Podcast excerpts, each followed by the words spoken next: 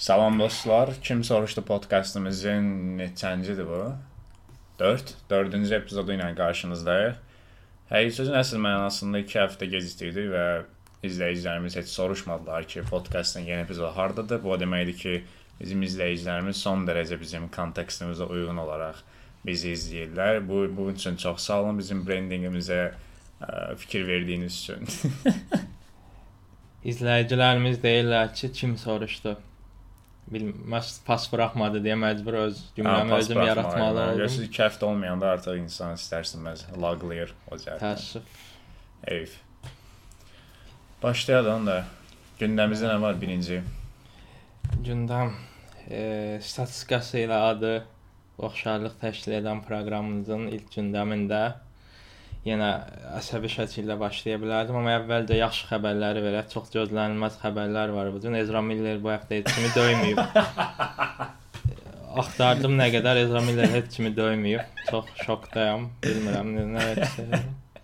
Bunun üçün alqışlayırıq, amma alqışlamırıq mikrofon şey olmasın deyə. Hə, Həqiqətən heç kimi dəyməyib. bəli döyməyib. Bəlkə də öldürüb Adam bilmirəm. Xəbəri yoxdur. Bastırıb eləməyibsə. Eynən. Bu həftə Sinekon aldı. Bilin deyəsən Sinekon səsləndirir. E, böyük şirkətlər yeni film layihələrini və ya serial layihələrini ortaya qoyub müzakirə elədi və Kinda Comic Con kimi. bəli. Və mən bu həftəni Sony-nin mükəmməl strategiyası ilə Morbius-u Morbius-un uğurlarını davam etdirmək üçün atdıqları mükəmməl strategiyalarla başlayıram. Aha. El Muerto adında bir filmin e, çəkilmə aşamasında, e, mərhələsində olduğunu dedilər və baş rolu Bad Bunny adlı bir rapper oynayacaqmış. El Muerto-nu bu tanım. informasiya nə?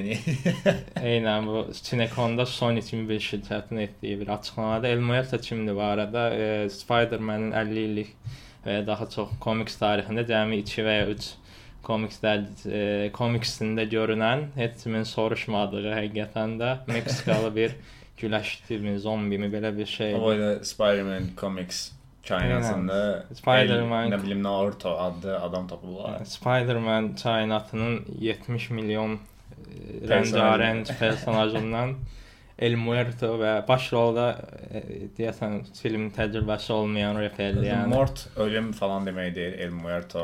Onlar Death falan zombilərlə deyək bağlı ki, deyilə mənası. deyəsən. Ya da Mort ki, çünki ölüm ölümü yeyən, səfərəmsə. ölü yeyən L-dəki- falan deyərdin. Və El article-dır zət. O El Muerto ölüm falan. Maçın ispan dili nümayişlərini gördük. Başqa Venom 3. Həm də hansı daha uğurlu olacaq? Daha doğrusu hansı Epizodun- Morbius-un uğurunu təkrarlayacaq? El Muerto yoxsa Venom 3? Yəni məncə Venom Venom yaradacaq yəni. Mən Çox də belə. El Muerto tarixin ən yaxşı filmi olmağa gəlir. Eminemin yeni soundtrack ilə bir yerdə Venom'un yeni filminin Amma Sony-ni verir. söyməmişdən qabaq, bir də Spider-Verse-in yeni filmindən 15 dəqiqəlik səhnə göstəriblər. Məzələnsən. Yəni bizə göstərmirlər amma özdə Göstər. falan yaxaram olmuyor. Yəni mən də çox axtardım.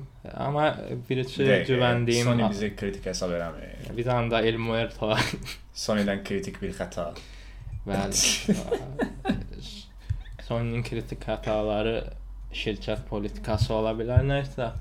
Hə, Spider-Verse-in güvəndiyim kritiklərdən oxuduğuma görə çox ilk 15 dəqiqəsi belə çox əyləncəli falan Nice. Falan dedim filan. E, İlk 15 Spider-Verse dəqiqə paylaşmaq bu normalda belə bir şey var, yəni ki 15 dəqiqə. var əslində Məsələn bu HBO-nun HBO Max edir ona. Elə bir film streaminqə gələndə 10 dəqiqəsini qoyur. Dune da qoymuşdu, Batman da qoymuşdu ilk 10 dəqiqəsini. Hətta Spider-Man No Way Home-un 1 dəqiqəsini publik olaraq paylaşmışdılar. 1 dəqiqəsini. Aha.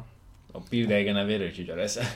Yəni demək istəyirlər ki, kino köhnə filmin bitdiyi yerdən başlayır. Onu demək Aha, istəyirlər. okay. Başqa, hə, Spider-Verse ilə bağlı detallar odur ki, 6 e, evrəndə, 6 universitetdə, Kainat. 6 kainatda başqa dilləri saymadım, hə. 6 kainatda da Bu üç şey var, bir çox. üzr istəyirəm sözün kəsdiyim üçün. Bu multiverse filmlərində belə bir şey var axı. 3-4 dənə kainat seçir belə və film boyu ancaq bunlardır. Bu niyə yəni okey başa düşürəm post production, bunun nə bilim xərci çoxdur və s. amma məsələn niyə 6? Yəni bu qərar hardan gəlir də? Bir sonsuz kainatların arasından 6 dənəsi. Məsələn bu Everything Everywhere All at Once-ı çox bəyənmişdik o heç. Amma orada da yəni belə şey var idi.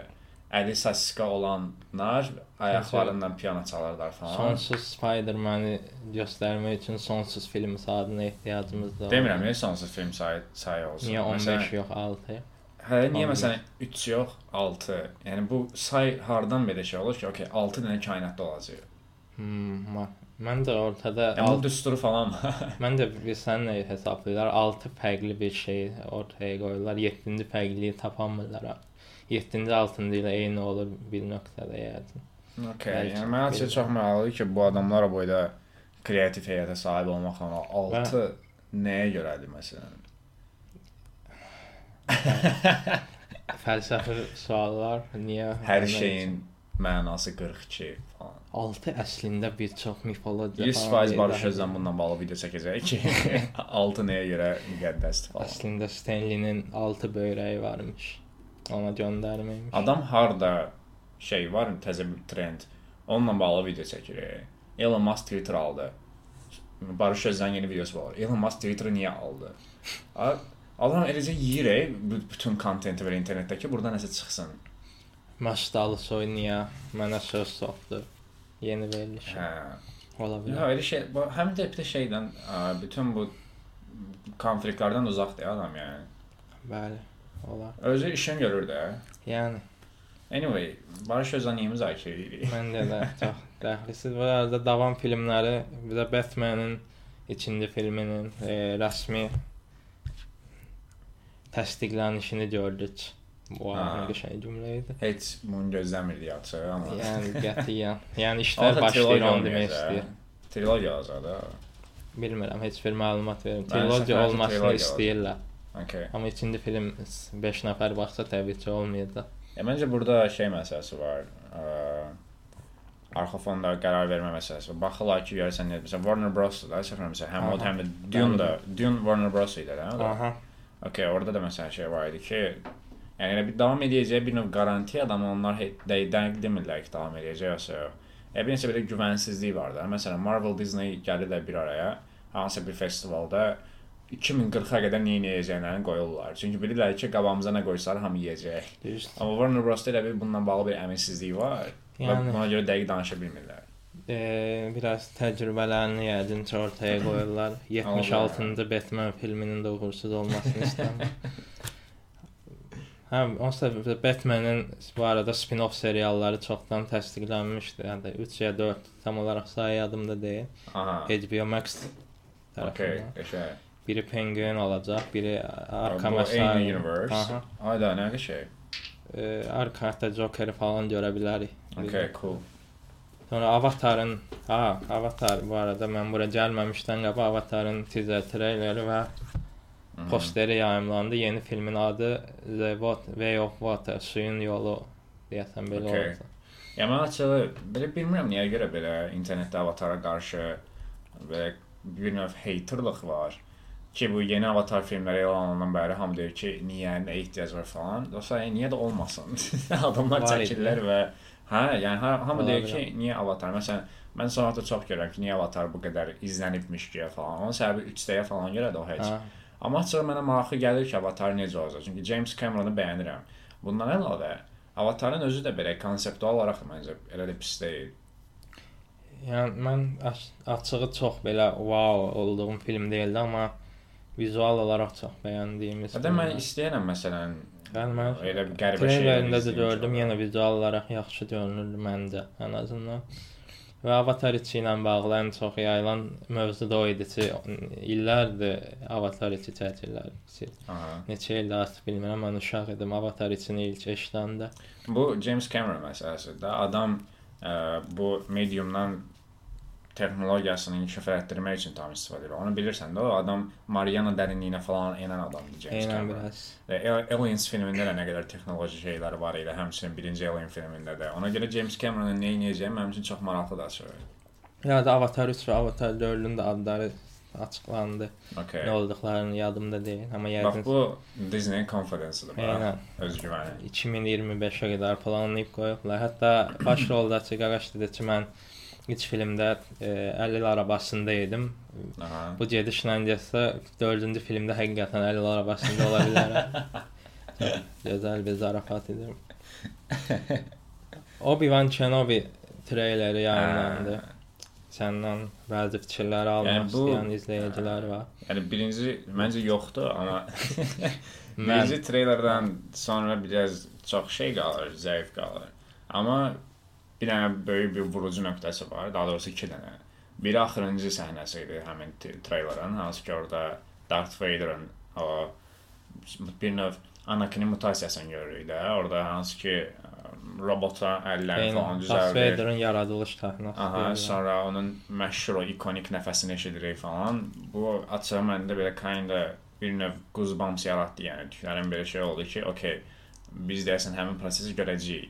Çünki mənə bunu həmişə belə çox uzaqdan toxunmuşlar bu məsələyə. Anakin'in Darth Vader transformasiyası. Filmlərdə də elə də uzun çəkmir. Kiçik biraz səhnələr var və salam. Amma buna çox belə detallı o prosesin necə olduğunu və s. göstərsələr, yəni bu çox fərqli bir şey olar məncə və bunu arzulayaram mən ki, bunu görüm. Bir də ə, şey hiss elədim. Məsələn, orada bir səhnə var idi treylerdə hansı ki, Obi-Wan-a Luke-la bağlı orada deyirlər ki, Luke deyir ki, yəni Luke barədə Obi-Wan qayda deyir ki, bəs mən ona təlim keçməliyəm və s. sonra ona deyirlər ki, bəs atasına təlim keçdiyin kimi falan. Bu artıq mənə o vibe verir ki, bu serialda biz o Star Wars-un məşhur grey zonasını, yəni nə qaradır, nə ağdır, boz zonasını görə bilərik. Əgər onu görsək, bu çox super olar.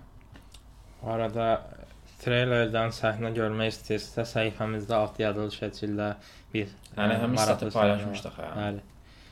Başqa ha bir də Star Wars-dan Tales of Jedi adında e, antologiya animasiya serialı çıxacaq. Okay, bunu bilmirdim. Detalları var. Yox, hələ ki antologiya olduğu Antologiya olacağı antologiyalar mənim çox xoşuma gəlir, çünki orada ə, çox fərqli-fərqli konseptlər üzərində işləyə bilirlər və müstəqil sənətkarlara şərait yarada bilirlər. Məsələn, bu ə, ən son Star Wars Visions idi səhv eləmirəmsə, orada da belə bir vəziyyət var idi. O biraz açığı ə, çox belə təəssüfləndirici oldu onun nəticəsi, çünki ə, çox belə yozlaşdırılmışdı orada kontent. Yəni fərqliliyi bəyənirəm. Burada heç bir problem yoxdur. Star Wars-la bağlı hər şey açıqam. Sadəcə orada belə çox yozlaşmışdı həqiqətən. Yəni bu qədər yozlaşmamalı idi də. Amma yenə də orada 1-2 epizodu bəyənmişdim, məsələn, Samurai epizodunu və s. Oxşar məcrada irəliləsələr, okey olar. Məsələn, orada Visions-da ə, bir adı xatırlamıram hal-hazırda Samurai ilə bağlı olan epizod. Məsələn, onun müəllifi müstəqil bir qadın idi, hansı sənətkar qadın kitabını yazmışdı. O kitabı adaptasiya etmişlər və s. Bu şərait yaratmaqları mənim xoşuma gəlir ən çox. Nəticədən daha çox. Bəli. Mənim sənin qədər çox dərin və böyük gözləntim yoxdur. Sadəcə e, işin qılıncı ilə döyüşən 5-6 dənə adam görmək istəyirəm hər an. E, açıq bizim də ən çox motivasiyamız odur. Ki biz belə şeylər görək. Bəli. Populyar seriallardan davam eləyirəm. House of Dragons-un treyleri çıxdı bildiyin kimi. Aha. E, treylerə baxdın? Yox, baxmadım. Hələ mən də baxmadım çünki Game of Thrones da baxmamışam amma bir xəbər verə bilərəm ki, e, Game of Thrones-un ən məşhur epizodlarının bir neçəsinin rejissorluğunu edən şəxs işləyəcək. House of Rejis Dragons. serial rejissorlarına mən güvənmirəm. Çünki serial rejissorları adətən ə, bilsən necə olur orada proses? Arxa fonda bir autor olur, creator, müəllif. O müəllifin bir vizyonu olur serialla bağlı. Və müəllifin vizyonuna uyğun olaraq rejissorlar seçilir. Rejissorlar o elə bir verilən strategiyanı, kontenti hazırlayırlar və salam. Orada həqiqətən texniki rejissorluq edirlər əslində. Yəni bu bizim bildiyimiz autor rejissorluğa aid deyil və seriallarda bu olur davamlı olaraq. Bir bölüm başqa bir rejissor, digər bölüm başqa bir rejissor və s. Ə, onların o xüsusi texnikalarına və s. görmək olur. Məsələn, Mandalorian-da görürdük Robert Robert Rodriguez çəkəndə necə olur. O məşhur ə, aktrisanın adı yadıma çıxdı, onun da rejissorluğu var idi. O çəkəndə necə olur. Taika Waititi də var idi hətta. Aha. Bunları hiss eləyirsən. Çünki bunlar olsa böyük rejissorlardır. Amma serial rejissorluğunda onun kəskin fərqi götürmək çətin. Ona görə sırf Game of Thrones-da rejissorluq eləyiblər deyə yenə də güvən yaranmır məndə. Ola bilər bəlkə də, amma ən çox sevilən bölümləri olmasından insanlar biraz hypelanır. Bir də Hə. mən bu mövzu ilə bağlı Better Call Saul-a e, yadıma düşdü. Better Call Saul-da həqiqətən e, serial rejissorluğu bölümlərdə çox hiss olunur. Mhm. şey, bir sıra Reclus'lardan və hətta son bölümü, 3-cü bölümü ya 4-cü bölümü deyəsən, Reese Hon rejissorluq eləyib və Kim Okay. Wexleri oynayan aktrisa Okay. ki, hamı tərəfindən çox sevilən aktrisadır bu aralar və Amma yəni biz hamımız bilirik ki, Better Call Saul'un arxasında ə, Ali Elmaçı, Vince, Vince Gilligan. Vince Gilligan var. Yəni Var, məsələn, o olmasa o rejissorlar orada nə qədər əhəmiyyətli oynayar, onun iki müzakirəsi. rejissor var. O birinin adı yadımdan çıxdı, o da çox böyük rol oynayır ki, yəni Kim Wexler, Kim Wexler personajdır. Ria Seahorn özü də tək başına etmiyor. Onsuz da ilk təcrübələrindən biridir və dəstək olublar falan. Aha. Bölüm yaxşı idi məndə. İlk başda biraz e, yavaş başladı amma sonda yenə Better Call Saul Better Call Saul-luğunu elədi həqiqətən. Xüsus Better Call Saul bu arada 3-cü bölümü Baxım elə bu arada. Bax, Better Call mən də Saul, tüncü. başlamalıyam yəni. getdikcə öz səviyyəsini daha da yuxarı çıxartmağa davam edir. Bilmirəm həmin bu növ seriallar üçün termin var ya yox. Bu bəzi seriallar var ya Mad Men, Breaking Bad, sonra nə bilim bu ə, Sopranos, sonra The Wire. Bu kimi serialların bilmirəm adları var ya, belə uzun dramalarda. Mən açıq hal-hazırda birinə belə bir vaxtımı investisiya eləmək istəyirəm amma hansına başlayım onu dəqiq bilmirəm. Mən seriala baxanda araya heç nə qatmıram heç vaxt. Məsələn, Mad Men-i də elə bitirmişdim. Ondan sonra Downton Abbey-i də elə bitirmişdim. Yəni gərək başladım sonra həqiqətən əvvəlcədən bilim ki, bu serial investisiya dəyər. Better Call Saul-la bağlı bir şey var ki, o dediklərim var uzun dram e, serialları. Better Call Saul-da maraqlı bir şey var. Yəni bir serialın içində 4 spin-offa baxırsanmış kimi bir hiss yaradır sana. Hə. Bir neçə baş personaj deyə bilərik hətta və Bax, onların detallar çox yaxşıdır. Mad Men-də məsələn indi Mad Men hal-hazırda aktual deyil deyə çox adam bəlkə də heç xatırlamır və s. Bir də istərsiniz biraz köhnədir də indiki seriallara baxanda. Amma Mad Men-in tərkibində o qədər belə qarışıq mövzular, mə- məşhur tarixi hadisələr, trendlər və s. yəni 60-cı illəri o 70-ci illərə keçidi falan elə möhtəşəm göstərir Mad Men. Yəni serialın başlanğıcından axırına qədər insanların adicə danışıq tərzindəki dəyişikliyə qədər illərin irəlilədiyini görürsən. Və bu sadəcə bu tarixi, yəni o historically accurate dediyimiz məsələdir, tarixi düzgünlük. Bundan əlavə bir də tərkibində drama olduğu üçün o qədər kompleks personaj inkişaf yolları var ki serialda. Yəni Men haqqında çox danışaram, ona görə burada saxlayım elə.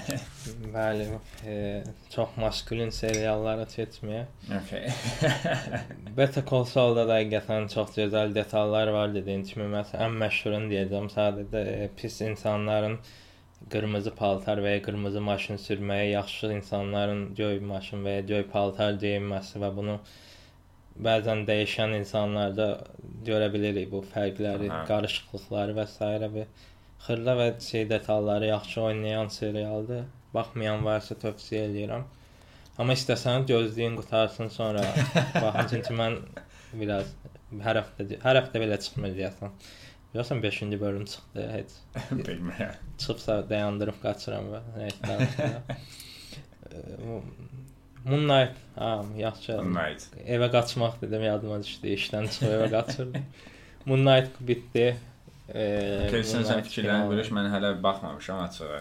Moonlight-ı bəyəndim. Spoiler olmasın deyə detalları hələ ki deməyəcəm, amma Moonlight-la bağlı cəmi bir şey nəzərləmək istəyirəm. E, Moonlight-la ən bağlı sevdiyim şey odur ki, rejissorların və aktyorların da müsahibələrinə baxanda hiss edirsən.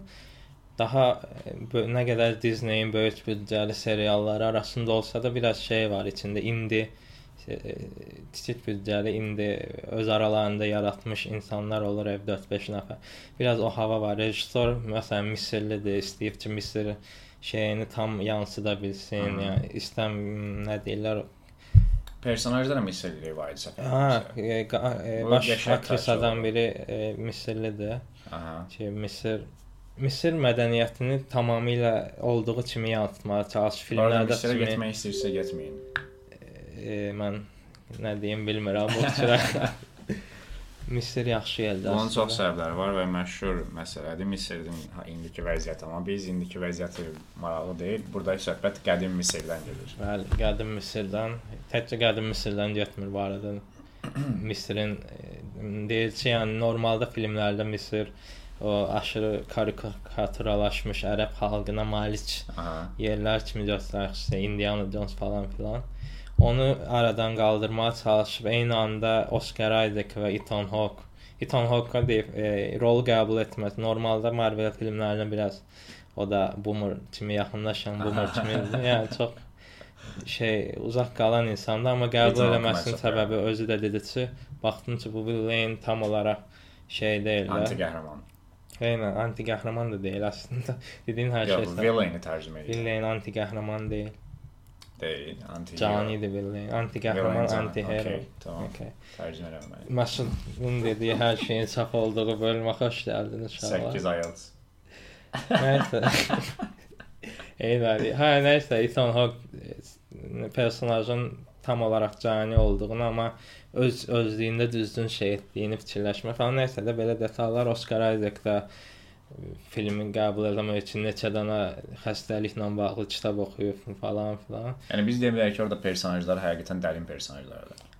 Nə deyə bilərik? Deyə bilərik ki, personajlar həqiqətən dərin personajlardır. Deyə bilərik məndə. Bunu deyə biləriksə mən buna baxaram yəni.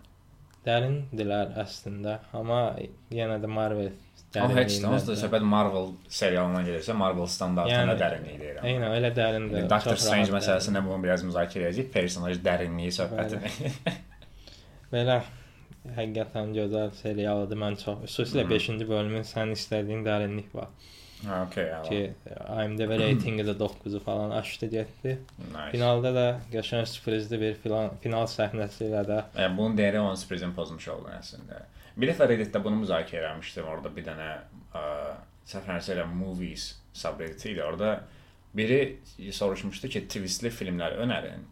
Mən də rəy yazmışdım ki, bəs bu bir filmin twistli olduğunu bilirsənsə, onda twistin nə mənası var? Mən yəni dedim bu əslində spoiler rol oynamır onsa sən. Ya mən dedim tam twist deyil. Yox, başa düşdüm sən demək istəyirsən. Okay. Sadəcə burada Hə, mövzunu dəyişirəm o elədir. Ha, o da mənə qayıt dedi ki, yox, mən həyəcanla gözləyirəm ki, twist olacaq falan. Mən dedim ki, elə pozursan da sən onun twistini. Twist sənin gözləmədiyin bir anda gəlir belə. Sən on əslində onu belə müdafiə eləyə bilərəm. Düz deyirsən deməyinə, amma belə twist olduğunu bilsən, belə twistin hardan çıxacağını bəzən tuta bilmədiyin seriallar var. Məsələn, gözlən bu pis olacaq, o Bu pis olacaq. kinonun keyfiyyətini öldürür də. Oturub Bəlkə birinci də dəqiqədən bəri twist sıxırsan ki, görəsən burada nə baş verəcək. Və sonra sən istədiyin twist olmayana deyirsən ki, bu nəymiş falan. Bu bir sənə nəyə oxşayır həm də. Məsələn, qorxu filmi açırsan belə jump scare-lərin dəqiqələrinə baxırsan ki, harda jump scare olacaq. Ondan niyə baxırsan sən buna? O da düz. Yəni də Bəli. twistli filmlər, twistli filmlərin twistli olduğunu bilirsinizsə spoiler yeyibsiz. Bu qədər sadədir məsələ. Fight Club-ın Deyə bilərsiniz ki, spoiler Məsələn- mənim vecimə deyil, amma okey. Spoiler vecinizdədirsə, amma yeyibsiz yəni. Məsələn, Fight Club-a baxanda twistli film adı ilə satsaydılar yaxşı olmazdı məsələn. Təbii ki. Belə. Başqa bayaq sən Sam Raimi-nin filmi haqqında quşladın biraz. Sam Raimi Spider-Man 4 haqqında bəzi müsahibələr verib ki, Aha. Spider-Man Bilmirəm indi yenidən çəkəcəklər onu ya, yoxsa əksərə qəribə Yox, hələ Sam Raimi deyib ki, ah, mümkündür təbii ki, amma ə, hələ ki ortada heç nə yoxdur. Sadəcə Təsəvvür edin yaşlı Tobey Maguire falandır. mən yaşlı yəni. Tobey Maguire üçün olan bütün pulumu verə bilərəm alarım. Sən Luboy Tobey Maguire üçün istənilən pulu verərsən məncə. Amma ümumiyyətlə yaşlı Spider-Man olan bir neçə komiks var həqiqətən və heç hər biri çox dərin hekayələri var və çox dramatik belə Logan tərzi, Logan yadındadır. Yəni mən ona nəzərdə tutmuşdum. Biz, bizdə bunu daha çox Batman-ə idi, amma yaşlı Batman, başqa bir çıraq Batman.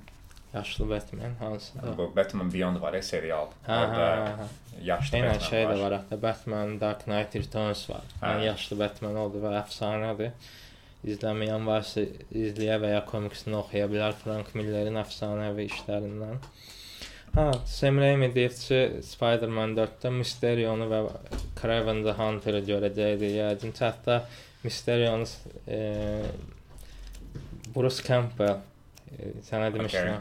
Onu öz Mysterio paltarında formasını paylaşdı, belə görə bilərdi kimi bir şey paylaşıb. Aha. Sam Raimi və deyir ki, Spider-Man 4-ün çəkilməsinə ancaq bu şərtlər altında razı olaram. Bir Tobey Maguire istəyirsə, iki qəşəng bir Lane versinlər mənə. Aha. 3 4 də var idi. Onlar yadımda deyil, amma yaxşı şeylər idi. Bu açığı bizim listələrimiz deyil. Yəni hə, dərin heç hə, nəysə də ki, yaxşı film olsa çəkərəm qısaca. Bu arada Tobey Maguire yenidən böyük ekranlarla görəcəyik. Həm də Charlie Chaplin rolunda. Wow, arxadan alqış səsləri gəlir. Bir dəqiqə, Tobey Maguire niyə Charlie Chaplin olur ki? Heç beynimdə təsəvvür edə bilmirəm. Charlie Chaplin kimi. Yoxsa ümumiyyətlə. Yox, yəni demədin Tobey Maguire Charlie Ha. Chaplin olacaq. Bəli. Yəni Tobey Maguire necə Charlie Chaplin oynaya bilər? Hə. Heç şey Elə, yoxdur axı o vibe o belə. Əslində məndə var biraz. nə arasında var? Sən də Charlie Chaplin deyəndə da bığlı papaqlı adam ağlıma gəlir. Mən də ona görə Yəni Tobiyə də bu papaq Bu normal deyil. Tobiyə də bu papaq taxsam mən Amma də aç, şey. açığı biraz onu düz deyirsən. Məsələn, Charlie Chaplinlə bağlı məşhur fakt var ya ki, Özünə Charlie Chaplin bənzəyən oxşayanlar yarışına görə orada üçüncü olur falan. Yəni dünyanın ən məşhur 67-ci faktı da hətta o deyəsən. Ee, Babylon serial, ev serialı nə idi? O qədər serial, filmdə, filmdə Babylon, bir hə. Brad Pitt və Margot Robbie deyəsən. O şeyin serialı idi da. Bu a, La La Land'ı falan. Nə Hə, yox qarşına. Damien Chazelle. Damien Chazelle, hə. Onun se- onun filmi idi də deyəsən. Aha, Babylon. onun da baş rolları Brad Pitt və Margot Robbie olmalıdır. Səhv eləmirəmsə.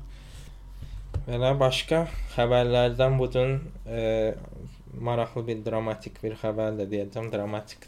Justin Lin tanıyırsan bilmirəm. E, Fast and Furious filmdəki Justin Lin e, yeni filmindən imtina eləyib.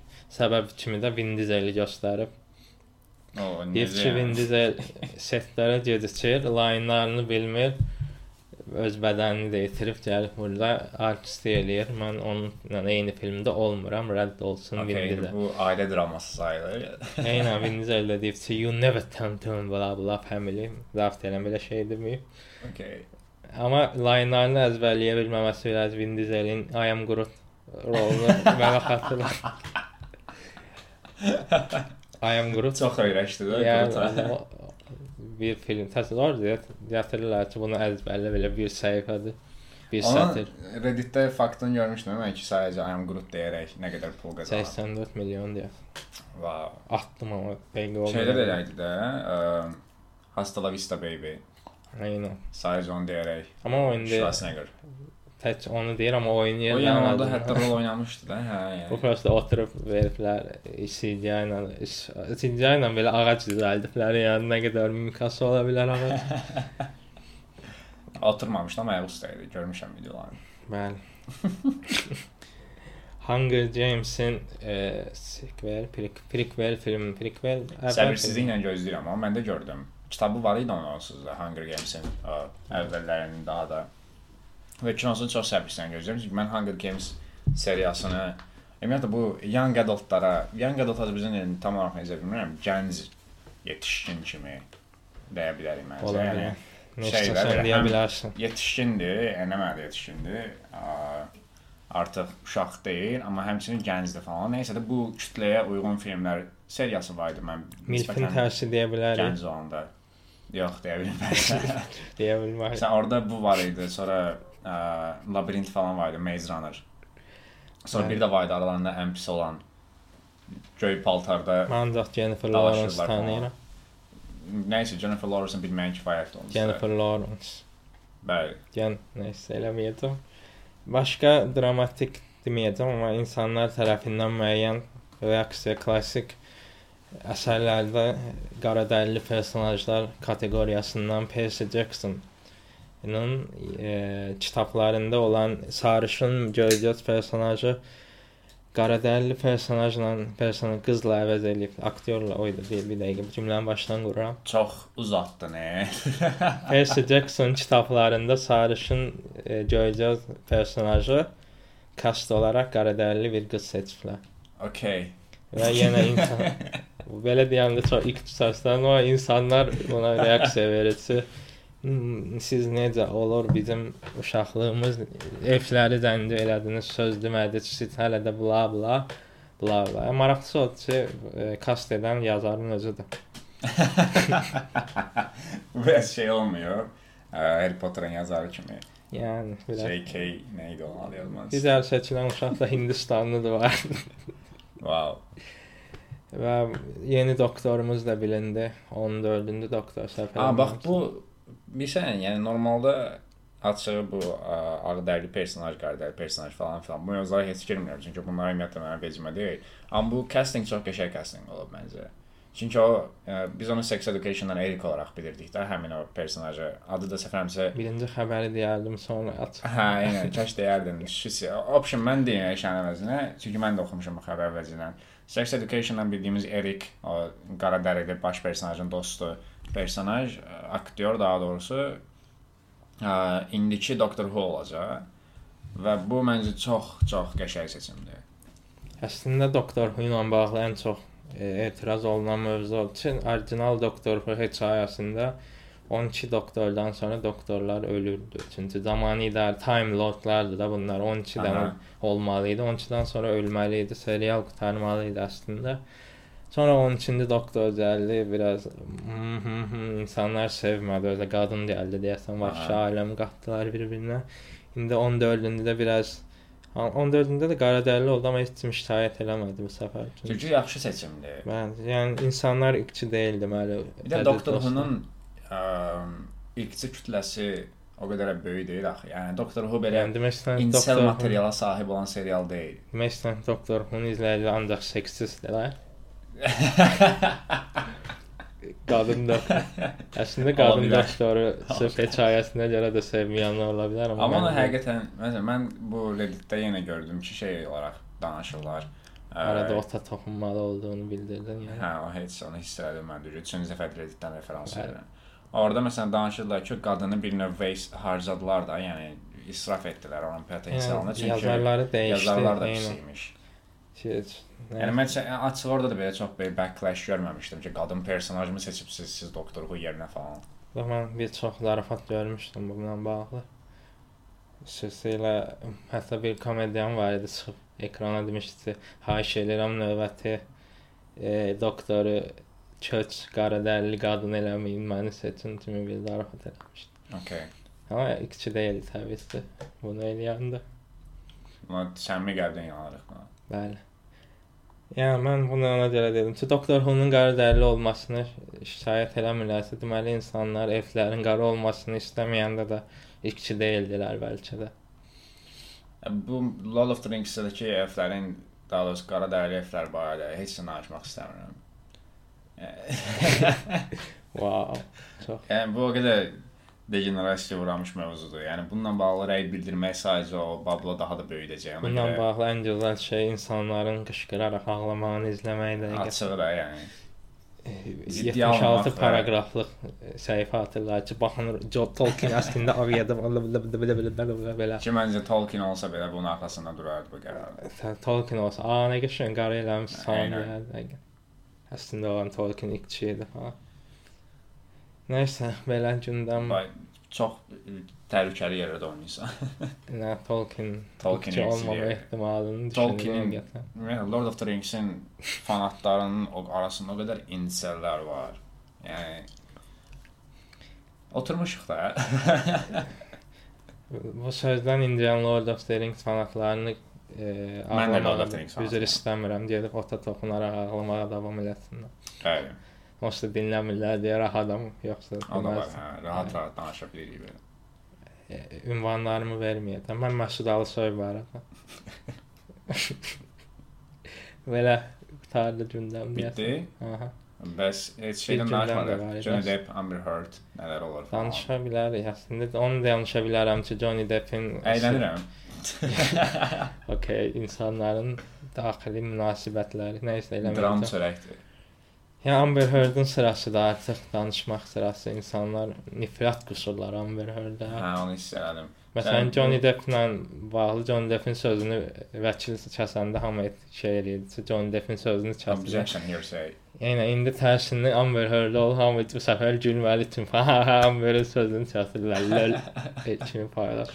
Yəni biz bundan əvvəlki epizodda danışmışdıq ki, əslində bu bu ümumiyyətlə belə ə, internetdə paylaşılmasını falan dəstək eləmirik. Amma mən ondan sonra biraz baxdım falan filan. Bu Artıq Johnny Deppin bu Johnny Deppin inisiativi imiş. Necə? Johnny Depp özü bir dəfə məhkəmə olub və həmin məhkəmədə bir növ uduzub. Ondan sonra isə qərar verib ki, yenidən başqa bir ştatda, hansı ki, həmin ştatda bu məhkəmə proseslərini onlayn rəqəmsal formada yayımlamaq mümkündür. Orada yenidən məhkəmə prosesinin başlanmasını istəyib ki, insanlar bütün hər şeylə tanış olsunlar. Qərar nə olur olsun, insanlar görsünlər ki, vəziyyət həqiqətən nə yerdədir. Çünki biz hamımız əminik ki, məhkəmələrin qərarından daha çox xalqın qərarı əhəmiyyətlidir. Bəli. Qəşəng yerə bağladım ha bu arada. Xalq seçilən qərar. Heydər xalq, xalq Heydər deyəcək. Okey, çox təhlükəlisin. Bəli. Amber Heard-la bağlı bir şey də yadıma düşdü. Johnny Depp-la məhkəm e, məhkəmə kürsüsünə çıxmamışdan qabaq qarşılaşır kimi olurlar. Johnny Depp görmür bunu. Bu Amber Heard da yalandan qorxurmuş kimi, yalandan. Gördüm hə. Evet. Çox belə ətdəkən şeylər edir ya. Yəni- Həqiqətən aktrisa alab Hər hərəkətində inandırıcılığını itirir ki. Yəni biraz üstdən çox düşürlər açığı, amma yenə də çox belə şeydir. Yəni John Depp'in orada nə qədər soyuqqanlı falan olduğunu, Yəni buradan da xalq Johnny Depp, Johnny Depp xalq. Yəni. Johnny Depp gülür yəni. Çox gülməsi ilə belə. Bilmirəm. Ha, bu arada xəbərləri demişdən Johnny Depp dedin yadıma düşdü. Niyə yadıma düşdü soruşma amma. Okay. Ana de Armas. Hətta gözlə. Ha, adını çox belə Ana de İspan sayaraq Armas. dedin ha. Ana de Armas. Yəni də Belə ana elə. dərmas. Ana de Armas. Armas'ın John Wick'dən spin-off serialı çıxacaq. Bal bal Ballerina serialı. Ana dərmas olan Luboy kontenti. Ana de Armas yox. Ana de Armas. Elə deyil də sən səhv deyirsən. Mən İspan O- deyiləm çünki. Elə deyil. Onun daha belə Mən bilmirəm. Anya de Armas. İspan deyiləm çünki. Yəni literally şey deməkdir bu arada desən. Uh, end of the guns-dır nədir belə? Yəni, Ana de Armas'la arma bağlı şeydən ən fərqli, sevdiyim silah zarafat falan. şeydir mənim. Ana de Armas'la bağlı. Anama Ana de Armas. Ən sevdiyim iyrənc. Çox gözəl məncə. Okay. Vurğulayıb. E, bu belə bir zarafatın olduğunu bilmirdim. Mən də yeni öyrəndim və ağlımdan çıxarda bilmirəm. Ana de Armas. Arada yatanda fikirləşirəm. Ya, ada bax, yəni o belə bir adın varsa onsuz da yəni Onsuz da nə Məşid bəy. Fikirlər. ya, şeydə Ayşəgüldə bir dənə səhnə var idi. Oğlanlar bir arada onunla qızlardan başqa yerdən danışırlar. Ana de Armasdan danışırıq. Ana de Armas Deep səhnələri. Water-a baxmışdın sən? Ancaq Ana de Armas səhnələrinə bax. yəni Ümid edirəm bu ə, ümumiyyətlə legal saytlardan. yox e, nudite olmayan səhnələrə baxdım, narahat oldum. Sən mi qəbul edirsən? Hətta bir səhnə var, tortu yedim. Hmm, that's amazing. Hə. Aha, sağ olsun olsa bütün Instagramdakı kino səhifələri ə, nəyə görə o Water-ın hər səhnəsinə baxmış olduq yəni. Yəni o səhnəyə 15 səhifədən ayrı-ayrı baxdım. Hər dəfə də 5 Mən- dəfə reply eləmiş. Mən sırf bilirdim ki, Andy Armas var orada. Televizorda Amazon Prime açdım, girdim oradan baxdım. 4K baxdım və Pornhub. çox həzz aldım yəni. Yox, Prime-dan baxdım. Amazon Prime. Okay, oradan baxmadım. Tamam. Yox. Bilmirəm, orada o kinonu Bu arada kino qədər də pis deyildi. Yəni o qədər də pis deyildi, pis idi, amma o qədər də pis deyildi. Amma yenə də belə baxmaq olurdu yəni. Ben Affleck də varam orada. Mən fikir vermədim deyəsən. Yəni zarafatdır, çox fikirləşməyə hiss elədim. fikirləşirəm. çox gec istədim amma başa düşdüm. Arada e, ana dayanmışdı biraz da da münasibətlər falan biraz da dramatik edirəm. Megan Fox-la Machine Gun Kelly-nin münasibəti haqqında bir post oxudum. E, Deyiblər ki, biz münasibətimizdə ritual olaraq bir-birlərimizin qanını içirik. Hə. Və, və mən o- onun bir dənə vampir mən mən bundan çox belə Morbius. oldum açığı. bəli, Morbius-a baxandan sonra mən də belə deyərdim, amma Bu deyiləm. Ana de Armas'la niyə o bir arxa-arxaya gəldi Megan Fox? yəni buradan sonra Doctor Strange-ə keçmək də orada da Scarlet Witch falan Böyle Yəni. mövzular çox qəşəng gedir nəsə. Bilmirəm, Megan Fox ağlıma gəldi əslində. Yəni mən istənilən vampir Mən ağlımda kontentini aktrisaları deyir. tükətə bilərəm də. Ağlımda çox aktrisa var. Səndə aktyor da var. Yəni çoxdur. Nicolas Cage. Johnny ümumiyyətlə çox insan adı var. Nəsə. Belə olmamalıdır məncə. Düzdür. Ağlımda normal. Arada ota toxun. ota toxunanda da ağlıma gəlir bilirsən. Bu niyəsini soruşmayacağam. Yəni, ota toxunuram və ağlıma Johnny Depp gəlir. Johnny Depp-ə toxun. Nəysə.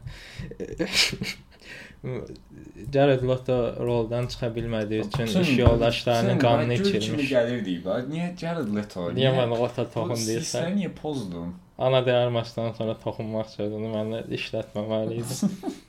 Çünki çox toxunur mənə həqiqətən. Jared Leto nə edirmiş bu arada? Yəni zarafat keçir, roldan çıxa Ha, bilməyib, okey. yoldaşlarının qanını içirmişlər elədim ki, eləsə təəccüblənmərəm. Gördün mən heç nasıl təəccüblənmədim. Həqiqətən bunu real bir xəbərmiş kimi başa düşdüm. Yəni mən desəm qəbullanardı içimizdə və Məncə normal yəni. xəbərmiş. Yəni Ezra Miller'in adam döyməməsi xəbərindən daha az təəccüblənərdim. yəni mən eşitsəm ki, Ezra Miller məsələn kimsə öldürür. Mən də cəhənnəmdə təəccüblənmərəm. Ezra Miller'in adam döyəcək. Əm, yəni bunun koeffisiyentini hesablamaq lazımdır. Bilmirəm. Kapsın. Statistika. Statistikasını nəzərə alsaq 90% döyəcək. Hətta mən də bu dəqiqə bu bunu danışanda kimsə döyür. Onu döyməsi məsələsi yox. Kimi döyəcək? Kimi də olsa random insanları döyür. Hə də o daha çətindir adalarının sıradan bir qadın başına stul falan atır. Niyə əsəbi idim? Belə Doktor Who zamanıdır. Bu arada Doktor Who e, Doktor Who yoxsa Doctor Strange? Doktor Who yox, təbii ki, niyə doktorundan var? Doktor Strange 2023-ün ən çox satış edən filmi oldu artıq. Okay, gözləyirdik onsuz. Bunu da deyərək filmə giriş elədim. Yəni təəccübləndirici bir şey olmadı açığı. Bu dostlar bu günlərin biz sadəcə Doctor Strange haqqında danışacağıq. Doctor Strange Madness of the Multiverse bla bla bla bla bla bla haqqında danışacağıq. Multiverse, Bəlkə də adını səhv dedim yəni. Əm, kiçik bir hissə spoilersız olacaq. Ondan sonrakı hissə isə spoiler olacaq. Spoilera keçəndə xəbərdarlıq edəcəyik, narahat olmayın. Bəli, e, ilk fikirlərini istəyirsən bölüş izləyicilərlə İlk getmək istəyənlərlə. spoilersız formada, əm, Məsələn, əgər filmə getmək istəyən biri nə gözləsin? Belə Aha, elə ora gəlirəm. Yəni filmi, yəni siz ümumiyyətlə davamlı olaraq Marvel filmlərini izləyirsiniz və bir növ özünüzü komiks filmi geek hesab edirsinizsə, onsuz da getməyə məcburiyyətindəsiniz çünki ə, silsilədə current, yəni güncəl olmaq lazımdır hardasa bir yerdə. Ona görə baxmaq olar. Və əylənəcəksiniz. Müəyyən mənada Scorsese-nin dediyi kimi karuseldir deyə əylənəcəksiniz bəli. Çünki həm roller coaster kimi bəzi səhnələrdə qaldırır yuxarı, bəzi səhnələrdə roller coaster kimi düşürsən aşağı və s. Yəni onları yaşayırsan. O o, o hissləri yaşadır, yəni burada heç bir problem yoxdur. Amma ümumi olaraq siz bir filmdən, film standartından bir həzz almaq istəyirsinizsə, tövsiyə eləmirəm, çünki kino həqiqətən sözün əsl mənasında əgər Marvel izləyicisi deyilsinizsə, sizə heç nə vermir. Mən də onu deyim, əgər Sam Raimi fanboysunuzsa mənim kimi, O çox nişdir da, amma yəni o- onu Mən niş onsuz da Sam Raimi fanboydasa mütləq gedib ücə baxıb. mən bilirəm onu və o həmin o şəxsə səslənirəm burdan. Sən çox düzgün insansın. Okay. Mənim kimi Spider-Man 1-in bütün layinlərini əzbərləməyə çalışmış insanlar varsa aranızda Onlar çoxdan baxıblar məncə. baxmamış ola bilərlər məndə, çünki mən təzə Okay. baxdım. Hə, o da var. Hı, nə Amma sən mənə görə gecikdin nə biraz. Bir yerə baxaq deyə. Yəni Azərbaycana gəldiyini nəzərə alaq da amma Aha. biz də ikinci günündə baxmışıq əslində. Yəni biz çox tez baxmışıq əslində bilmirəm. Hə, o da düzdür. Yəni belə bir də kinoya Məsələn ilk həftədə gəldim. baxmışdı dünya sıralamasında belə ilk həftədə baxmışıq. Elədir, hə. İlk 3-4 Yəni gündə biz falan həyatımız yoxdur bizim. Açığı yaxşı vaxta düşdü belə həftə sonuna belə baxdıq rahat. Və Sam Raimi filmlərinin içindən də çox gözəl allüziyalar, allüziya nə idi? Göndərmələr var. Hətta after credit səhnəsi var 2 dənə. İçində də birbaşa Sam Raimi filmlərinə olan bağlantıdır. Yəni orada ə, müəyyən mənada hə Sam Raimi elementlərini görürük ki, bilmirəm bu onsuz da nə qədər əhəmiyyətlidir ya yox, no offense. Amma bundan əlavə yenə Hay sırf Allah, Marvel filmidir deyə ə, line-ların yəni oradakı ssenarinin necə yazıldığı çox belə gözlənilirdi. Yəni belə bəzi səhnələrdəki zarafatlardan tutmuş, ə, dəxilsiz söhbətlərə qədər bütün prosesin bizə anime o animelərdə olur, ya, özü shonen animelərdə Bəli. kimsə kiməsə nəsə hərəkət edir, orada başlayır ki, hə, sən bunu elədin və axırı belə oldu falan. Yəni Doctor Yeah. Strange başdan ayağa bu de. Hekayə ilə bağlı məsələn belə deyim, Spider-Man məsələn No Way Home-da belə baxırsan, film başlayır, hekayə bitəndə Spider-Man artıq böyüyür, biraz e, hər şey itirir. Eynən, bu da filmin başlayır və bitəndə yenə eyni yerə qayıdır biraz. Yəni həqiqətən kino heç nə vermədi. Yəni kinonu ə, bilmirəm aranızda WandaVision-la bu spoiler sayılar WandaVision-la müqayisə eləsəm. Yox, mən. Okay. WandaVision necə idisə, ə, yox sayılar biraz. Yəni bunu spoiler edirəm, okey. Yəni deyə bilərik ki, WandaVision WandaVision, bəli, bunu deyə bilərsən. Aynen. WandaVision qəşəng serial. Ona baxın. Hə, məsələn mən WandaVision-ı bəyənmişdim çünki ə, bu oxşar hekayələr deyə bu arada WandaVision-dan danışıram. Ə, bizə nəticədə ən sonunda bir şeylər verdi personaj barədə, Scarlet. Witch barədə. Bu filmdə yenə o mövzulara qayıdırıq. Filmdə sadəcə bir də Amerika Chavez verdi, Hə, deməli. yəni dəyişən baş keçməkdir. Yəni bir növ yeni personajlar bizə tanıdılsın. Ə, Sam Raimi-dən biraz pul qazanaq. Scarlet Witch görək ki, buna razıyam. Görək istədiyin qədər. filmlərə baxmağa yeni göz verdi. No context spoiler, bəli. Eləmə də belə. İndi bəlkə o yeni gözün nə demək olduğunu Yox, başa düşənlər şeydə var. göstərmişdilər treylerdə. Hə, var. spoiler deyil. okey. Mən ümumiyyətlə filmin hekayəsinin uğursuz olma səbəblərindən biri odur ki, Sam Raimi yenə e, bir uğursuz münasibətin belə ayrılan münasibətə toxunmaq istəyir. Amma bunu unutduğumuz bir şey var ki, Spider-Man-da bu uğurlu oldu. Çünki Mary Jane və Peter Parker-ın münasibəti həqiqətən yaxşı e, yaxşı yazılmış background olan bir şeydir. Amma bu filmdə Doctor Strange Christina ilə olan münasibətini ortaya qoyanda İndi heç kim Kristina hamı unutmuşdu yəni o nöqtədə və Mən açıq biləcəm bil, bilmədim. Eynən, yəni heç, heç kimə önəmi olmayan bir münasibətdir. Ona görə o qədər e, vurucu olmadı məndə. Bir də əvvəlki filmlərdə Doctor Strange-in, yəni bu birinci Doctor Strange filmindən başqa digər bunun rol oynadığı filmlərdə Kristina ilə bağlı nəsə var idi. Bir What If-də paralel evrəndə var. Kristina. Vəssalam. Vəssalam. Yəni bu yəni, nə qədər belə izləyicidən rahatlıqla gözləyə bilərlər ki, bu evlənən qız kim imiş. Ona görə də əgər What If-ə izləməmiş, What If izləy, izləmiş, sevmiş adam varsa onun üçün daha yaxşı ola bilər bu. Bu arada məncə həqiqətən bu arada izləyib gəlin, çünki mən izləməmişdim bəzi şeylərdə. Bəli, hətta birbaşa oldu, toxunduqları səhnə var idi. Xüsusilə treylerdə gördüyümüz də bəzi Yəni bu da personajlar. açığı başqa bir mövzuya gətirir. O da nədir ki, əgər Marvel film əvvəlki Marvel kontentini izləməyibsinizsə, qətiyyən bu filmə getməyin. Məncə gedin. Əgər Sam Raimi fanatsınızsa amma. Okay də. yəni Sam Raimi ancaq 3 dənə Sam Raimi Spider-Man-a baxmışam və bu filmə gedirəm. Okeydir məndə. bir də Sam Raimi desən bağlayacağam Bəli. podkastı. Ekrana qışqıran adamlar görmək istəyirsinizsə gedin. 3 dəfə jump scare oldu və üçündə də qorxdum. Hə bu arada qəşəng o qorxu elementləri var idi filmdə, çox hiss olunurdu Bir özdə. də şeyi bəyəndim mən. kaş- Kaş danış. Hə, sorry. Kaş ə, belə olardı ki, film tamamilə qorxu filmi olardı. Yəni çünki film indiki formatında mənə heç nə vermədi onsuz da. Məncə Marvel fanlarına falan da heç nə verməyib. Yəni ə, hekayə cəhətdən müəyyən bəzi kiçik detallardan başqa. Amma bu film tamamilə, yəni başdan ayağa qorxu filmi olsaydı, həqiqətən Marvel-ın elədiyi bir eksperiment formasında olardı və o içində görəcəyimiz kreativ şeylər olsun, tərkibində yaşadacaqlar emosiyalar olsun və s. Marvel nəsə fərqli eləyib deyə bəyənilərdi bu film. Amma indiki halında nə qorxu filmidir tam, nə tam Marvel filmi deyil, nə tam normal film deyil. Filmin iç halı da Sam Raimi açıqladı ki, 2 saat 40 dəqiqə və əlavə sonradan keçirilmiş səhnələri də siliblər. Yəni 2 saat 40 dəqiqədən də daha çox imiş. Onsuz da iki qorxu filmi alacaqmış. Yəni hə, hətta ilk halında çox şiddətli olub dediklər ki, biraz Filmdə aşağı- var onsuz da elə şeylər. Məsələn, biraz bəzi uşaqlar da gəlsin edir. Hə, məsələn bir dənə səhnə var, bu spoiler deyil, rahatlıqla deyə bilərəm. Oktopus var orada. Oktopus nədir? 8 ayaqlı. Böyük bir 8 ayaqlı canavar var. Onun gözünə ə, Hə, silah soxub, aha, hə. silah soxub gözünü çıxardırlar falan. Yəni elə şeylər var və bundan Hə. daha belə ağır Hətta birbaşa onunla başlayanda dedi, o nə izləyirik falan. Amma Aha. çox dərinə getmədi. Amma hə, onun dərinə gedilmədiyi o qədər hiss olunur ki, adam belə şey olur ki, nə olar? Birazca düşərdiniz də aşağı ki, biz həqiqətən nəsə Mən də bundan sonra spoilerli danışaq artıq tam nöqtəsinə gəldi. Əgər bura kimi izləmisiniz, dinləyirsinizsə və spoiler alm, nə sən dinlədim, mən üşəndim cümləyə. Bundan sonra spoiler var. Çox sadə imiş. Bunu ağlıma gəlmədi. Nəysə, hə, spoilerə başlayıram. 3 2 1. Hə, sırf o dediyin o göz çıxartma səhnəsi bir e, Vandan ayaq yalan hamının beynini patlada patlada öldürdüyü səhnədə gördük. Hə, filmin o- ən yaxşı səhnəsi idi.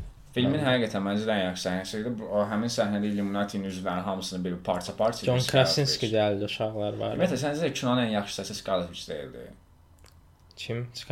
Witch. Yəni filmin ən yaxşı hissəsi konkret Bu o. arada mən Amerika Chavez'i bəyəndim. hə. Mən bəyənmədim Mən çünki bəyəndim. mən personajın motivasiyasına birinci inanmadım. Yəni random bir şəkildə valideynlərini itirib və 10 ildir onun dərdini çəkir falan. Yəni bu mənə şey gəlmədi. Yəni Əslində ki, dərd çəkmirdi, çox sadəcə ora-bura uçan adam idi və özündən asılı olmadı. elə onu deyirəm də. Görsən burada şey var. Yəni bu personajın motivasiyası nədir? Motivasiyası yox, olmaması elə Hə oldu. də da. və bu bəxlanım əslində bu Niyə hər şey filmi motivasiya olmalı? No, elə olmalıdır. Çünki sən personaj yaradırsansa, personajın müəyyən mənada bir dərinliyi olmalıdır. Və mən orada 2D personajları izləməyə gəlmirəm ki.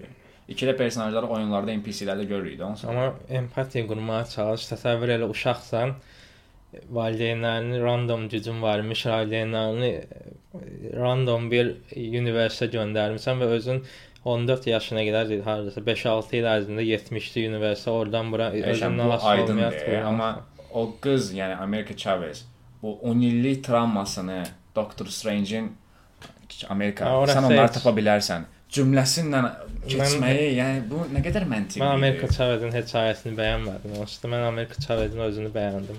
Yəni ulduz açmasını bəyəndim. Yəni sən onun gücünü bəyənirsən sayəndə ki, Olabilir. adam yəni multiverse Şey, aktrisanın özünü də bəyəndim. Çox şirindir. Yəni Okay. oynadığı rol olaraq çox yaxşı oynamışdı. Okay. O Spider-Man zarafatı var idi orada. Mən orada itirdim özümü.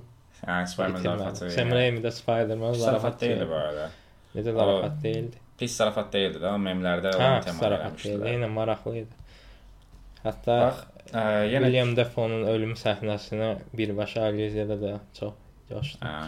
Çox Spider-Man. Referanslardan danışmayaq da, məncə onsuz referanslar var. Yəni Sam Raimi filmidir və Sam Raimi Nasıl filmlərin film? referansları var. Amma Yəni bu- keyfiyyətli referansıdır. Hə də onsuz onu hə, onu vurğulaya bilərik ki, yaxşı referanslardır. Yəni Marvel-ın normalda elədiyi bullshit referanslar kimi Yəni, deyil. a, bu o biri filmdə də burasında a deyil. Elə deyil yox. Yəni yaxşı referanslardır. Sadəcə kinonun ə, həm personaj cəhətdən ə, main plot line deyirlər də, ona əsas ssenari xətti odur ki, ə, Scarlet Witch nəsə eləmək istəyir, eyni şeyi WandaVision-da da eləmək istəyirdi. Bəs məsələn indi Scarlet Witch bu Doctor bu Doctor Strange filmi WandaVision-dan sonradır. Eynən. Scarlet Witch WandaVision-da ə, Başa düşməli idi əslində, eynən. hər şeyi yaşadı və ən sonunda başa düşdü ki, mən uşaqlarım olsun deyə insanları öldürməməliyəm. Belə şeylər, pis şeylər eləməməliyəm Yəni, də qısaca. Eynən. Bu Sonra- filmdə də yenə WandaVision nələrsə eləməyə başlayır. Eləyir və onlarla bəlkə də yüzlərlə adam öldürür. Yəni WandaVision zibil qabına atdı da deməm. Hə də ən sonda da Doctor Strange 3 dənə cümlə deyir. Orda uşaqlara zülm elədiyini falan görür bir növ. WandaVision yenə olur pəri. Yəni WandaVision WandaVision yox, e. yəni Scarlet Witch olur yenə Wanda, onunla da bağlanır. Burada o sol yanındakı Lazy birincisi bizim. WandaVision serialına nə ehtiyacımız var idi? İkincisi 3 dənə Doctor Strange-in cümləsinə mi qalmışdı bütün Scarlet Witch-in motivasiyası, analıq motivasiyası, hansı Yəni. ki WandaVision-da bütün dünya ayağına gəlir ki, nə olar cəmaata bu qədər zülm eləmə. Amma bu Doctor Strange filmində axırda uşaqların nəsə olduğunu görür. Ay, okey, mən bunu eləməyim. Sən bunu bacara bilərsən, məşhur deyir. Somehow da somehow Palpatine return tərzi bir Çox olur Tənbəllik bax, var eynən. idi. Somehow Palpatine returns. somehow Wanda dəli oldu. Məsələn, bax şey, bax bu çox kiçik detaldır biraz. O giantlar var idi, divlər. Mhm. Bu ə, temple-da da, qalbının tronunda, Bildim, taxtında. Başa O düşdüm. divlər niyə var idi? Bilmirəm. Ha, Saniyə çəkmədi biz onların ölümünü gördük. İndi çox adam ölsün deyə var deyə. 4 5 dənə div idi də orada. 5-i də bir yerdə dağdan düşdü aşağı. Mən onları görəndə bir sən necə coşmuşdum ki, mən indi Eyvah. divlərin davasını görəcəm. Yəni çox tənbəllik edib ya. Bunları necə aradan çıxardı? Atın getsin o. Mən o səhnəni görəndə biz e, kinoya yaşanmaya baxıram, amma çıxanda kino haqqında danışmırıq ki, podkastda danışaq. Mən partlayırdım onu deməyə ki, o divləri niyə harcadılar? Çox super idi onlar. Bir də Wong kimi balaca o sehirbazı yıxıldı, heç nə olmadı, amma 5 dənə div zor deyə yıxıldı. 5 dənə div özü də baxın, divlərin gəlmə səhnəsi bilirsiniz necədir? Divlər gəlirlər, baxınlar indi çox yaxşı bilirlər. Hamı belə coşur ki, "Ala divlərə bax falan, bunlar nə edəcək indi zət?" Scarlet Witch-ə belə özdə o gözlənilirdi bu arada. Mən bilirdim ki, onlar baş əyirlər. Baş əyirlər belə deyirəm ki, "Ala indi bunun gücünə falan fikir ver. Özü onsa sehirbaz idi. Daha doğrusu şey idi, Cadugar. cadugar. İndi divləri də var. Bu bütün dünyanı elə keçirəcək falan. Doctor Strange zombi formasında gəlir. 30 saniyə bütün divlər düşür aşağı. Yəni heç olmasa bir biraz döyüş sonra atsaydılar. Açığı da Yəni bilmirəm, lazy writing var idi həqiqətən. lazy writing deyil, bu bu şeydir. Ümumiyyətlə writing deyil. Bu idi ki, divlərə baxın biraz. Somehow divlər öldü. Bizim ə, milyonlarla vizual effekt büdcəmiz var. 3 dənə div var idi. Getdilər. Bəlkə də divləri döyüşdürməyə pul çatmır. Mən o divin dizayneri olsaydım, Aha. konkret yəni gedib özümə asardım evdə ki, təsəvvür et, günlərlə bir dənə div dizayn edirsən və onu tempodan aşağı ediblər. Ha, deyirəmmiş belə. Başqa problemlər çox idi həqiqətən. Söz Çox problem var idi. Məsələn, multiverse məsələsi çox möhtəşəm məsələdir və biz bunu Everything Everywhere All at Once-da görürük. Orada bu məsələyə sözün əsl mənasında yanaşılmalı olduğu kimi, yəni ekzistensialist perspektivdən baxırlar və bu da o deməkdir ki, sonsuz dərəcədə kainat varsa biz niyə yaşayırıq? Doctor Strange-də bunu çox kiçik-kiçik səhnələrdə görürük. Ümumiyyətlə multiverse kimi insana kreativ olaraq sonsuz yaradıcılıq imkanı verən bir şeydən Hə, həm bax Gəmi 15 saniyə istifadə elədilər. Bunun ən idealı Everything Everywhere All at Once-dır. Ona baxın və bizim podkastda qulaq asın, onun haqqında danışırıq. Bu filmdə Doctor Strange-də biz sadəcə Are you happy? I am not happy. Bir dənə burada görürük. Xoşbəxtsən yoxsa deyilsən. Və burada Doctor Strange dəfələrlə cəhd eləyir ki, orada yəni indi biraz belə ə, ədəbi dillə deməyə çalışacağam ki, personaj sanki özücə isyan eləmək istəyirdi ki, uşaqlar milyonlarla kainat var və mən burada depressiyadayam falan, amma yenə Amerika Chavez gəlir zarafat edir falan. Doktor Strange'in motivasiyası deyə nə idi? Sevdilin başqasından nişanlanır idi. Yəni, Yəni biraz əslində orada da onun motivasiyası Hardan gəldi? Həqiqətən bayaq dedim. Açığı 15 mən ildir hamı ilə döyüşür, Kristina gəlir evlənir. Kristina personajının o, o, o niyə var idi? Yəni elə Okay, birinci filmdə Konkret gördü amma indi Doctor Strange-in belə əlini tutmaqla getdi bütün kinoda rolu. Maçdı mənim əlimi tutdu alardı. Soyulmuş əl. Nəysə. Kinoda konkret Kristinanın oynadığı heç bir rol olmadı. Fikir verdin. Nədir, nədir bir yerdə Doctor Strange Darkhold-dan Kristina olmasaydı filmdə nə dəyişirdi məsələn? Heç nə. Bir dənə I love you in every universe səhnəsi biraz mənasını Bax, o Kristina laboratoriyada da nəsə eləməsəydi, ümumiyyətlə onları laboratoriyada saxlamaqları falan, o nə idi? şey var idi, laboratoriyada qapını döyə-döyə açmağa çalışır. Hər yer knopkadır, birin basını açılsın da, yəni onu da başa düşmədim. Ay, yox, ey, o ümumiyyətlə o laboratoriya var idi, o konsept var idi Hə. ki, orada siz nə bilim xəstəlik daşıya bilərsiniz falan filan. O hekayəyə niyə toxundular ki? Yəni ki, Heç bir rol oynamadı o hekayəyə. bilirsən. Yəni ki, fərqli universitet texnologiya həddindən artıq e, amma edir. o, onun nəticəsi olmadı axı. Bax, onsuz da biz robotla onu gördük də. Məsələn, normalda bizim dünyada belə ə, bu ispanlar falan Amerikanı kəşf edəndə oradakı hindular şeydən qızılcadan falan hamısı ölmüşdü də ki, fərqli xəstəlik idi. Okay. Kainatlar arası səyahətlər gedir falan və orada da bu məsələyə toxundular ki, siz viruslar falan daşıya bilərsiniz bizim kainatımıza məxsus olmayan. Mən dedim ki, ala, fikir ver, e, perspektiv zordur. Sonra heç olmadı oradan. Eynən biraz bilmirəm. Biraz da yaxşılardan. Kristina Doctor Strange o boyda sevdiyi belə kompleks toxic relationship-də olduğu personajı toksik. ə, laboratoriyada saxlayır və ona baxmayaraq belə şey olur ki, yəni ki, aramızda münasibət olsa belə sən laboratoriyada qalmalısan da insanlıq üçün falan. 15 dəqiqə sonra bir yerdə kanalizasiyada qaçırlar.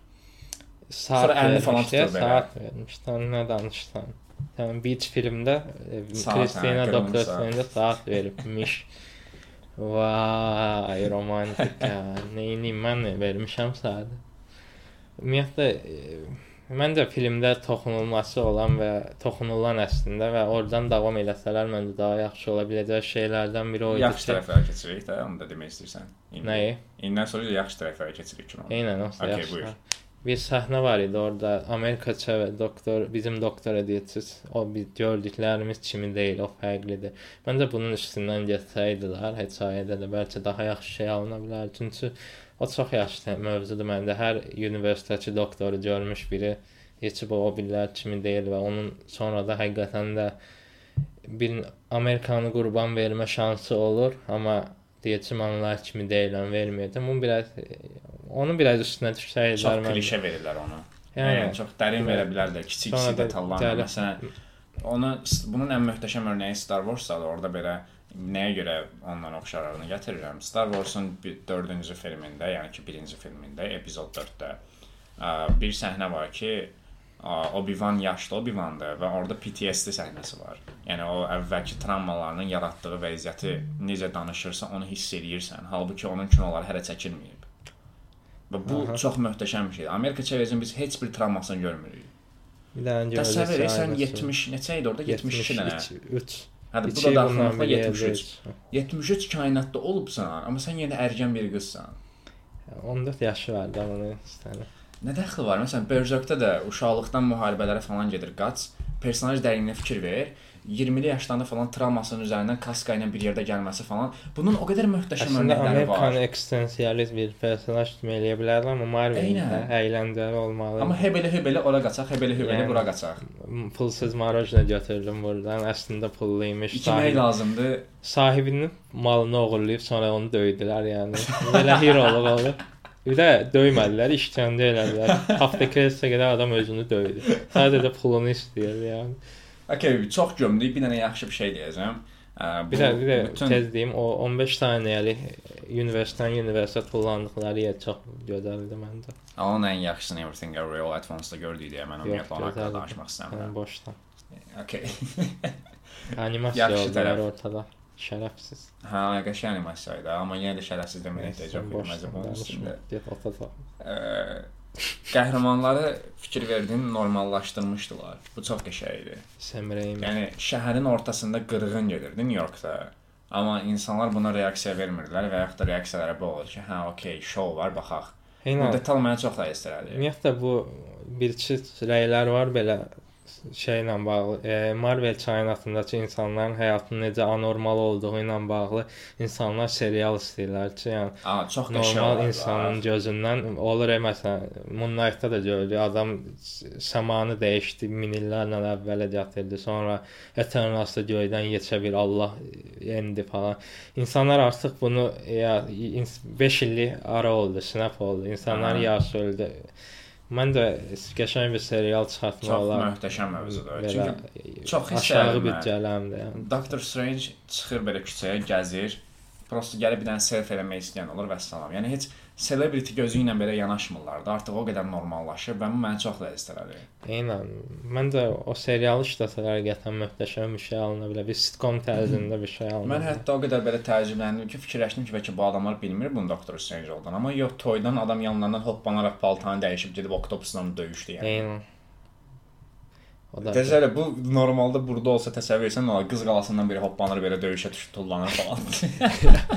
yəni amma Marvel Bunun səfirliyinin qabağında aks edir falan. məncə onun bir dənə mim var idi şey Supermanla bağlı 15 saat işləyib aşağı maaşla evinə getmək istəyən insan maşının Superman tərəfindən atıldığını görür.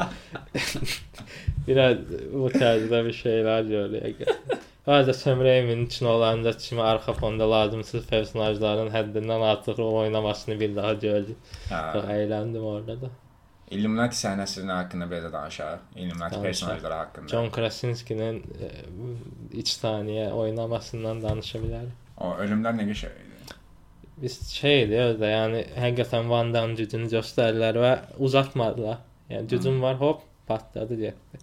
Ağzından səs çıxardıb səni öldürə bilərəm, ağzını bağlayıram, hə, özü öldü. Son vaxtlar bununla bağlı Biraz bir özləri ilə kimi oldu. Bax elə onu deyəcəm. Bununla bağlı son vaxtlar bir video baxdım videoya YouTube-dan. 90-cı illərdən sonra başlayan bu anti qəhrəman məsələsi də, hansı ki artıq Superman kimi personajlar yox, şu Bo- Boys-dakı, Invincible-dakı Evet. falan kimi personajların komiksləri daha belə əhəmiyyət daşıyır.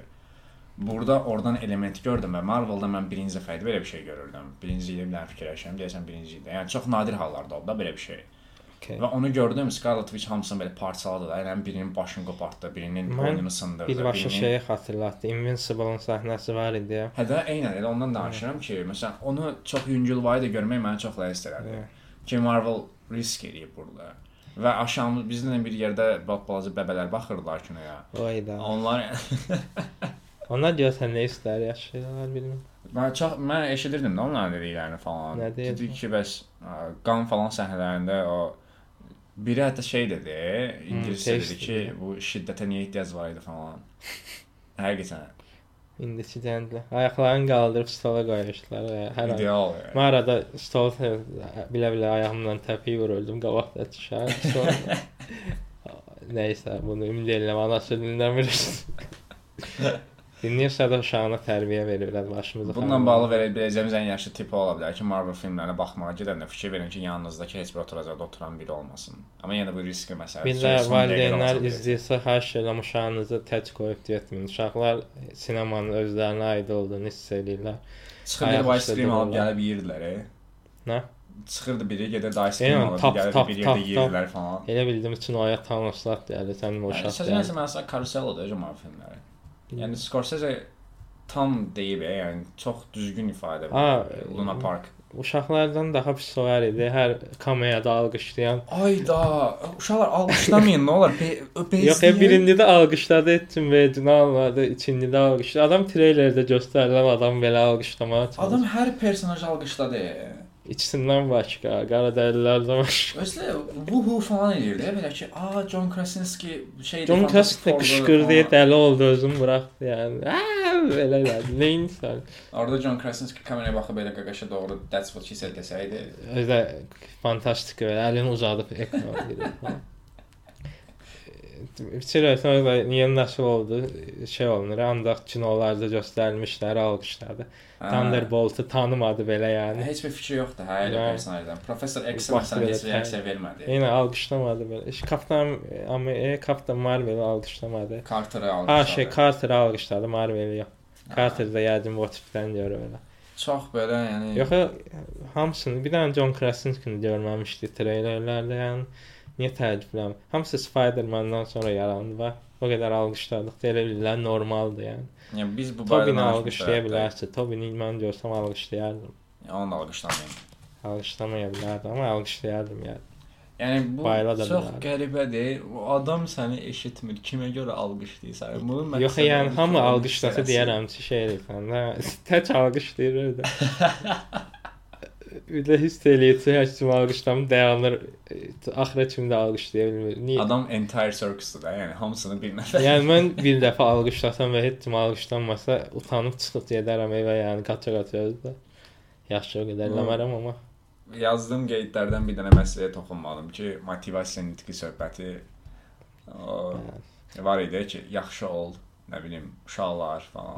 Pis axırda motivasiya zor idi. Deyirdi mən də sən bacara bilərsən. Mən də orada Amerika deməlidim. Mən 10 70 dənə ev, evrəni 70 dənə çaynat yazmışam, amma bunu bilmirdim. Çox sağ ol, həqiqətən gedirəm. Hə. Bir cümlə ilə mən hər şeyi başa düşdüm. Aa, hər şey eləyə bilərəmmiş. Niyə demirsiniz? Bum, bam, bim. Bum. biz indi çox gömdük kinonu, amma şu dostlar, yəni o qədər də bərbad deyil. Neçə verirsən? Ha, necə? Neçə verirsən 5 üzərindən? 500 əlindən xal vermədim çünki bilmirəm niyə. Sam Raimi fanatlığımı çıxsam, bir tam J hamının ürəyi bulandı Sam Raimi fanatlığı söhbətindən. onda siz həqiqətən fanat deyildiniz də deyirdi. Nəysə. Tam nat. Sən ver mənə kimi tam neytral şəkildə. Okay, mən ver. 3 verdim 5 üzərindən ki, mən o roller coaster effektini aldım, Yəni- mən bəs elədi yəni. Məncə də 2 ulduz çıxmaq olar. Aha. 3 ulduz normal. 3 ulduz okeydir. Belə çox dirəşsəm 3.5 verə bilərəm, amma da vermək istəmirəm. Çünki 3.5 verdiyim filmlər çox yaxşıdır. Aha. Yəni bayaq dediyimiz Üç. rahatlıqla təkrarlaya bilərik.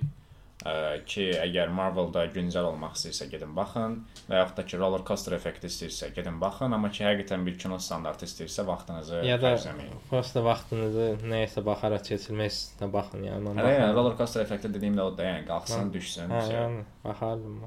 İndi əsas mövzuya qayıda bilərik. Ana dayarmasının adının tələffüzü. Nəyə? Ana dayarmasının adının tələffüzü Ha, mövzusu. Əsas əhəmiyyətli mövzumuz. Yəni Sən qayıt mən. ana dayarmaz.